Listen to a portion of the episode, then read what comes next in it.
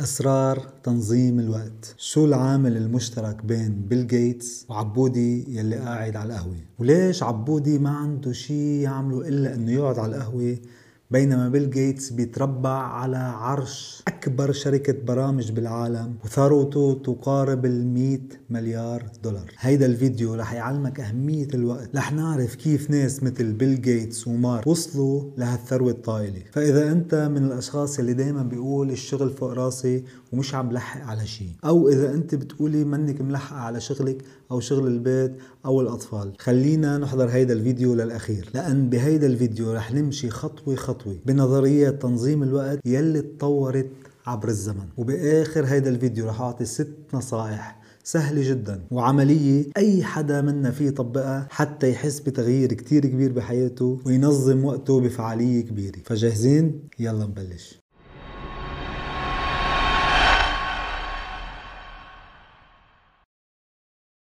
السلام عليكم ورحمة الله وبركاته. أخوكم محمد عيتاني. كتار من المحاضرين اللي بيحكوا عن تنظيم الوقت عادة ما بيلعبوا على وتر المشاعر وبحمسك وبحفزك لدرجة بتحس حالك بدك تقوم هلأ وتكتب لائحة بكل شيء بدك تساويه لبكرة. لكن بعد ما تخلص هالكتيبة ترجع لنفس العادات وبتنسى هيدي الورقة وين حطيتها أساسا. ليش؟ لأنه تنظيم الوقت عادة منه شيء عقلاني. يعني ماشي بيجي تلقائي معك انت بتتصرف بوقتك يلي بتملكه عبر المشاعر. في مشاعر مثل الخوف أو القلق أو الحماس أو غيرها كثير من المشاعر يلي بحركوا هالقرارات يلي رح تاخدها بهيدا النهار. فأنت فعليا بتكون ماشي على مبدأ ردة الفعل أو شو بيملوه عليك هول المشاعر. للحقيقة الوقت هو بحد ذاته منظم ومش بحاجة لأي تنظيم. انت بحاجة لتنظيم هول المشاعر. وحتى نقدر نبلش ننظم هول المشاعر لازم نفهم شو هي أهمية الوقت؟ الوقت هو أهم وأغنى ما تملك. هو فعليا ثروة بين إيديك. تخيل لو كل يوم واحد عم بيجي ويعطيك مبلغ 1440 دولار ويقول لك روح اصرفهم كيف ما بدك. ولا يهمك. لأن بكرة إذا وعيت بإذن الله رح أعطيك 1440 دولار تانيين غيرهم هيدي هي كمية الدقايق اللي بتطلع لك كل يوم. كل إنسان يوميا على وجه الكرة الأرضية الله رزقه 1440 دقيقة بشكل متساوي. دقيقتي هي 60 ثانية مثل دقيقتك مثل دقيقة بيل جيتس مثل دقيقة عبودي. الوقت أهم كنز عندك لأن بدك دقيقة واحدة حتى تقول لشخص أنا بحبك وتأثر فيه إلى الأبد. بدك دقيقة واحدة حتى يكون عندك فكرة عبقرية بال business وتصير واحد مثل بيل جيتس أو مارك أو غيرهم. أول ما تفهم معنى الدقيقة فجأة بصير عندها مفهوم آخر كليا بالنسبة لك وبنكون هون كمشنا طرف الخيط وساعتها رح تحاول تحافظ على هول ال 1440 دولار. وما تخلي أشخاص تانيين يحاولوا يسرقوا من هالثروة اللي أنت بتمتلكها. مثل مثلا إذا فيسبوك أخذ 200 دولار منك أو واتساب أخذ 90 دولار وغيرها كثير من الأمور يلي عم بتلهيك عن هدفك. ما تكون مثل عبودي لأن فجأة عبودي آخر النهار رح يلاقي هال 1440 دولار خلصوا ورح يقول بسيطة بكرة بيطلع لي غيرهم. طيب فهمنا أهمية الوقت. أساسا ليش صار في شيء اسمه تنظيم وقت؟ ما كنا قاعدين بهالكهف ومبسوطين ولا عبالنا هالتطور والتكنولوجيا كله. فعليا بلشت نظريات تنظيم الوقت مع بدايات الثورة الصناعية. لما صار في طفرة بالإنتاج والعالم اكتشفت كنز اسمه الصناعة وبدهم يستفيدوا من هيدي الدجاجة يلي عم تبيض ذهب بأكثر قدر ممكن. فخلقت أول نظرية لتنظيم الوقت واللي هي بكل بساطة بتمشي على مبدأ الأهمية. يعني مثلا أنا بدي صنع سيارة. شو هي المهمات يلي أنا بحتاجها حتى صنع سيارة؟ بدي محرك أبواب شسي مقاعد. لنبسط الأمور حنقول خمس مهمات لحتى تصنع سيارة. حتى خلص هالمهمات بالمصنع أنا بحاجة ليومين لحتى أقدر صنع هالسيارة طب أنا بدي أستفيد أكثر كيف بقدر خلص هول المهمات بيوم واحد فقط؟ فصاروا المصانع يفتشوا على أدوات حتى يقدروا يخلصوا هول الخمس مهمات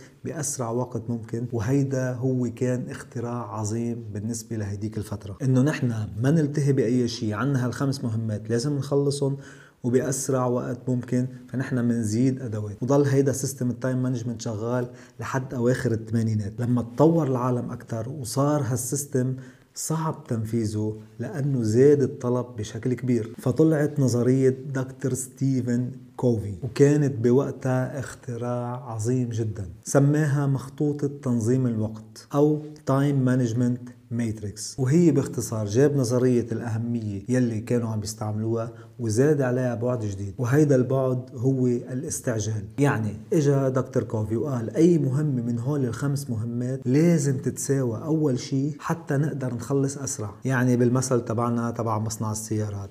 أنا ما بقدر ركب الأبواب قبل ما ركب الموتور. فحتى استفيد من وقت المصنع بشكل أحسن لازم قل لهم للعمال بلشوا بالموتور أول شيء وهيك دكتور كوفي وقتها على نسبة الفعالية بهالطريقة. لكن الحل كان مو... لأنه المشكلة بهيدي الطريقة. انت ما عم تقدر تزيد وقت. بعده عندك خمس مهام. كل يلي عم تعمله بهيدي الخطة انك عم بتشيل مهمة رقم خمسة وعم بتحطها بالأول حتى تسرع شوي من الوقت. ومع تطور الزمن وزيادة الوقت أكثر صار عنا مشكلة كبيرة. وهيك نحن اليوم حاليا يلي بيستعمل هيدي المنظومة كلنا عم نحس مثل هيدا المصنع. بتحس حالك دايما ملحوق ومخنوق ومأخر بتنظيم وقتك. مأخر ما عم تقدر تلحق على مهام بيتك ومهام عائلتك ومهام شغلك. بذات الوقت بعصرنا هيدا ما فيك تحل مشاكلنا بسيستم قديم طيب إذا هالنظرية قديمة وراح عليها الزمن شو الحل؟ الحل إنه نخلق وقت جديد شو؟ كيف بنخلق وقت جديد؟ حتى نقدر نخلق وقت جديد لازم نتعرف على نظرية المضاعف شو هي نظرية المضاعف؟ باختصار النظرية بتقول إنه لازم تعمل المهام يلي رح تفيدك بالمستقبل. نظرية المضاعفة كل يلي عملته إنها جابت نظرية ال time management تاعت دكتور كوفي وزادت عليها بعد ثالث وهي مدة فعالية المهمة للمستقبل أو بمعنى آخر تاريخ صلاحيتها. يعني قديش رح يأثر فيك هيدي المهمة بالمستقبل. خلينا نرجع لمثل مصنع السيارات. أنا حتى أعمل سيارة لازم خلص هول الخمس مهمات. لكن ليش ما بستثمر وقتي قبل بروبوت وركبه بقلب المصنع؟ مع إنه هيدي المهمة أو هيدا الروبوت ما له أي علاقة بهول الخمس تاسكات لحتى نصنع السيارة. لكن لما ركب هيدا الروبوت رح يقدر يعمل لي عشر سيارات بالنهار. أنت هون استثمرت وقتك بمهمة رح تجيب لك نتيجة على المدى البعيد. فإذا بدنا نطبق هذا المثل على حالنا أنت إذا أخذت 60 دقيقة من وقتك تستثمرها لشيء على المدى البعيد. هون ما بقى تسأل حالك قديش مهمة هيدي التاسك وقديش مستعجلة مع إنهم هول مهمين لكن اسأل حالك قديش رح تفيدني بالمستقبل. لأن بالمستقبل رح تفيق حيكون عندك 1440 دقيقة مثل كل يوم. لكن في بجعبتك مهمة قيمتها 60 دقيقة. أنت أنجزتها بالماضي وبعدها فعالة لحد اليوم. هيك انت صار عندك 1440 دقيقة زائد 60 دقيقة. طب أنا إذا قدرت كل يوم يكون عندي 60 دقيقة أقدر استثمرها بمهمة تفيدني بالمستقبل. تخيل بعد سنة قديش بيكون صار قيمة يومك. مارك عم بحاول جهده ياخد من وقتك كل يوم 60 دقيقة 90 دقيقة. 200 دقيقة. وأنا مش عم بقول إنه هيدا الشيء غلط هيدا بالعكس شيء ذكي بالنسبة له لأن هدفه الأساسي إنه يحاول يخليك تبقى على المنصة تاعيته أكثر وقت ممكن حتى ببساطة يقدر يقدم لك دعايات ويصير هو من أغنى أغنياء العالم. وهيدا الشيء كله بس من وراء 60 دقيقة قدر ياخدها من وقتك وطبعا من وقت 2 مليار مستخدم يوميا. بينما عبودي قاعد على القهوة وعم بيعطيه هالدقايق ولا على باله. هلأ قدرنا نجاوب ليش عبودي قاعد بالقهوة وبيل جيتس عم بيتربع على إمبراطورية أكبر شركة برامج بالعالم. طيب شو الحل؟ أنا كيف بدي صير مثل بيل جيتس ومارك وغيرهم؟ أعطيك ست نصائح إذا التزمت فيهم حتيجي بعد شهر وتكتب لي comment على هيدا الفيديو بإذن الله وتقول لي حياتك تغيرت للأفضل. نصيحة الأولى نقي هدف كبير لإلك أنت بتطمح له. قد ما كان كبير ولا يهمك. وكل مهمة بدك تعملها اسأل نفسك هالثلاث أسئلة يلي حكينا عنها بنظرية المضاعفة. قديش هال task مهمة لهدفي؟ قديش هال task ضرورية لحتى أقدم خطوة باتجاه هدفي؟ وثالثا والأهم قديش مدة صلاحيتها هال task لخدمة هدفي بالمستقبل؟ نصيحة تانية اشتغل من رزنامة وما تشتغل من to-do list أو من لائحة المهام. لائحة المهام هي أفشل اختراع عرفوا التاريخ لأن لائحة المهام هي مقبرة الأهداف. كم مره تحمست وجبت أهدافك وسجلتهم على ورقة ورجعت تركتها. المشكلة الكبيرة والعيب الكبير بلائحة الأهداف إن ما عندها وقت يحصرها. بينما إذا أنت حددت مهمة وحطيتها على رزنامة انت حددت وقت لهيدي المهمة. يعني إذا في هال task شايفها كتير مهمة وبتحقق لك هدفك لكنها بحاجة لعشرة أيام.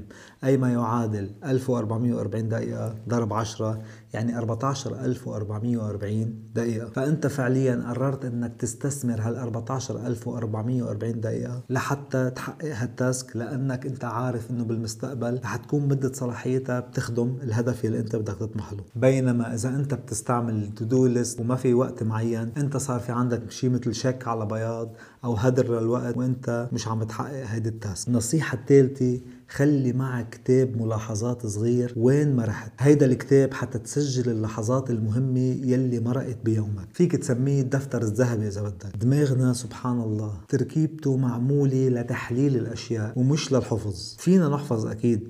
لكن مشكلتنا إنه نحن بننسى أكثر بكثير حتى تستفيد من كل دقيقة مهمة بيومك. إذا مرق معك بهيدا النهار حدث لقيته مهم وأثر فيك ايجابا سجله بهالكتاب الملاحظات. يمكن هذا الحدث اللي صار معك مادي.